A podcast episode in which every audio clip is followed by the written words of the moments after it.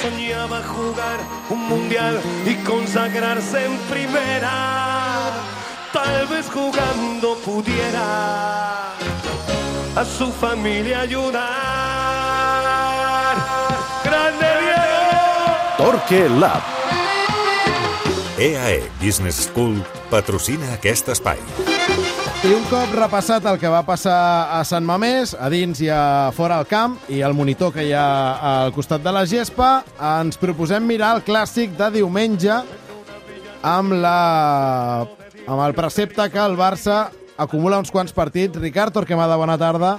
Bona tarda. Sense trobar la seva personalitat o retrobar-se amb la seva personalitat, i corregeix-me si m'equivoco, Almeria, Bernabéu Copa, València a casa i ahir a Sant Mamés hem vist un Barça en general desdibuixadíssim. Sí, un Barça que no, que no fa el que voldria que l'entrenador que fes. Eh, o si més, no aconsegueix, no, no aconsegueix l'objectiu que l'entrenador verbalitza després de cada partit, eh, que l'equip tingui més control, que sigui pulcre, bé, paraules que hem sentit molt de Xavi, falta precisió, falta paciència, falta calma, falta pausa, tot això ho ha dit eh, Xavi, i fa que l'equip mm, sigui més reactiu. A mi, eh, de, de totes les dades que, que, que han sonat aquests dies, a mi la, de, la que va donar ahir el Marc Domènech al, a la TET del, de que els últims vuit partits, cinc s'han jugat més a camp propi, és la que més m'impressiona i crec que és la que retrata millor el que ha fet el Barça, perquè més enllà del rendiment que hagi tingut, eh, o fins i tot si hagi executat més o menys algun partit de, des del punt de vista reactiu, com el Bernabéu, el que és evident és que amb més de la meitat dels últims partits el Barça ha jugat més a camp propi que a camp rival, quan justament si una cosa no pot negociar aquest equip o no ho voldria negociar és tenir la pilota, atacar a camp rival, eh, poder pressionar després de pèrdua, tenir l'equip amb les línies eh, molt altes, defensar lluny de porteria. Clar, en cinc dels últims vuit partits eh, ha defensat i ha atacat més a camp propi. Quan dic ha defensat i ha atacat vull dir que li ha costat més sortir des del darrere o que ha volgut sortir probablement eh, amb un joc més eh, llarg i per tant menys precís, el que ha fet que no superis la primera línia de pressió i no et puguis plantar camp rival amb més continuïtat i després que has hagut de defensar molta estona amb les línies més, més baixes de les, del que tu voldries. Cosa que no vol dir que hagi passat només en els últims vuit partits, va passar no, no. Metropolitano, per exemple. També. Però ara, ara venim d'una sèrie de partits... Eh, vaja, no, no tots jugant en camp propi, però tots amb, amb el Barça molt, molt desdibuixat. I això ens porta a preguntar-te, Ricard, com t'imagines el clàssic d'aquest diumenge, perquè entre aquests partits sí. jugats a camp propi hi ha precisament el del Bernabéu, i no sí. sé si aquest diumenge també ens hem d'imaginar un Barça que acabarà defensant i molta estona en bloc baix. Vés a saber, eh? La veritat és que és eh, una pregunta interessant a tants dies encara per, per, pel partit, perquè, clar, a, a mi el que em surt de dintre és dir-te que no m'ho imagino.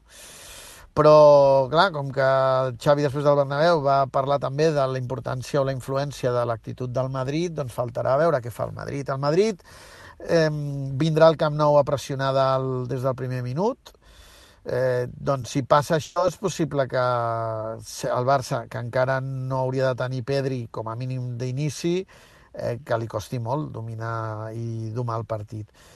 Eh, però hem de veure també l'actitud del Madrid, si, si el Madrid ve a pressionar a dalt gairebé home a home, eh, si no, si és més contemplatiu després del que li va passar al Bernabéu, que digui, doncs jo no vinc, ja, ja eh, anem a jugar una altra cosa a veure si el Barça pot eh, venir i jo puc transitar, no? que és el que no va poder fer el Bernabéu. Eh, el Madrid ja sabem que, que, no li, vull dir, que, que no li preocupa gaire eh? vull dir, fer aquest plantejament de partit, ni tan sols quan necessiti guanyar. Eh, jo crec que, que, el, que el que prendrà més nota del que va passar al Bernabéu és el Madrid, que sap que es juga eh, gran part de la Lliga i que ha d'anar a l'escenari més eh, còmode per ell. I l'escenari més còmode per ell és estar agrupat al darrere i fer mal a la transició. Eh, juga al Camp Nou, per tant s'ho pot permetre d'entrada, no està obligat com estava el Bernabéu, possiblement aquell dia amb el Barça en tantes baixes, de voler fer sang, eh, i si això passa... Clar, però doncs el... això per una banda és veritat, però per l'altra al Madrid no li serveix un empat. Ui, però té temps, el Madrid domina Ah. molts registres, vull dir que eh, si al minut 70 o 75, que ja ho sabem que amb un quart d'hora en tenen prou, el partit està empatat, ja aniran a buscar-lo. És a dir, és un equip amb molta paciència, i molt ofici com per preocupar-se o angoixar-se perquè el partit no té el signe o el resultat en aquell moment que ells volen al final. Saben que hi ha temps per buscar-lo. Ho dic perquè m'estranyaria molt que el Madrid fos tan eh, eh, valent i tan ambiciós com per dir escolta'm, si el Barça està patint, doncs ja va- vaig jo a atacar, quan el Madrid tampoc té conceptes d'atac posicional, ja ho va demostrar el Bernabéu, no té amplitud, eh, barreja molta gent per dintre que finalment acaba topant, Vinícius estarà contra Araujo i no podrà tampoc tenir el desequilibri que, que pot tenir eh, en espais reduïts, doncs com més aire tingui, més espais per córrer, jo crec que pel Madrid millor. I si això passa, doncs el Barça no haurà de preocupar-se gaire de, de, ni, ni, ni de la pressió del Madrid de l'home a home que potser li va fer al Bernabéu amb més d'una amb més d'una fase de partit, com va dir Xavi, ni, ni d'haver de, de defensar un equip que estigui volcat a l'atac. Però, clar, això són, hi ha dos actors i no, no sabem què passarà. Ah, Avui hem vist Pedri entrenant-se amb l'equip. És prematur saber en quines condicions arribarà pel Clàssic, si és que hi arriba i si és que el Barça vol arriscar amb el seu físic. La, la pregunta és com pot ser, eh, tot i que el partit d'ahir eh, té la particularitat que ja és més vertical de per si, com pot ser que amb un mig del camp Busquets, Gavi i De Jong, que coixos no són, Sí. eh, sigui tan poc transcendent una vegada més al mig del camp del Barça. Doncs jo començo a pensar que perquè no es generen les condicions perquè el mig camp pesi més o domi el partit. Eh, també és veritat que el Barça té una, una defensa que és molt forta defensivament, però que no té una, una excel·lent en sortida de pilota, no? Mm, Ahir no hi era Araujo, però és un jugador que té dificultats, però a Condé ja veiem que una cosa és que tingui bon peu i una altra cosa és que tingui bona lectura. Eh, dic bon peu, no, no un peu excel·lent. Christensen probablement és el jugador que, que té més clars els conceptes de sortida. Eh, no sé, o sigui, és a dir, crec que l'equip, conscient de les seves limitacions, eh, eh, sota segons quines pressions, a vegades, eh, per mi, jo, jo hi vaig comentar, s'accedeix en buscar l'última línia perquè els migcampistes rebin de cara.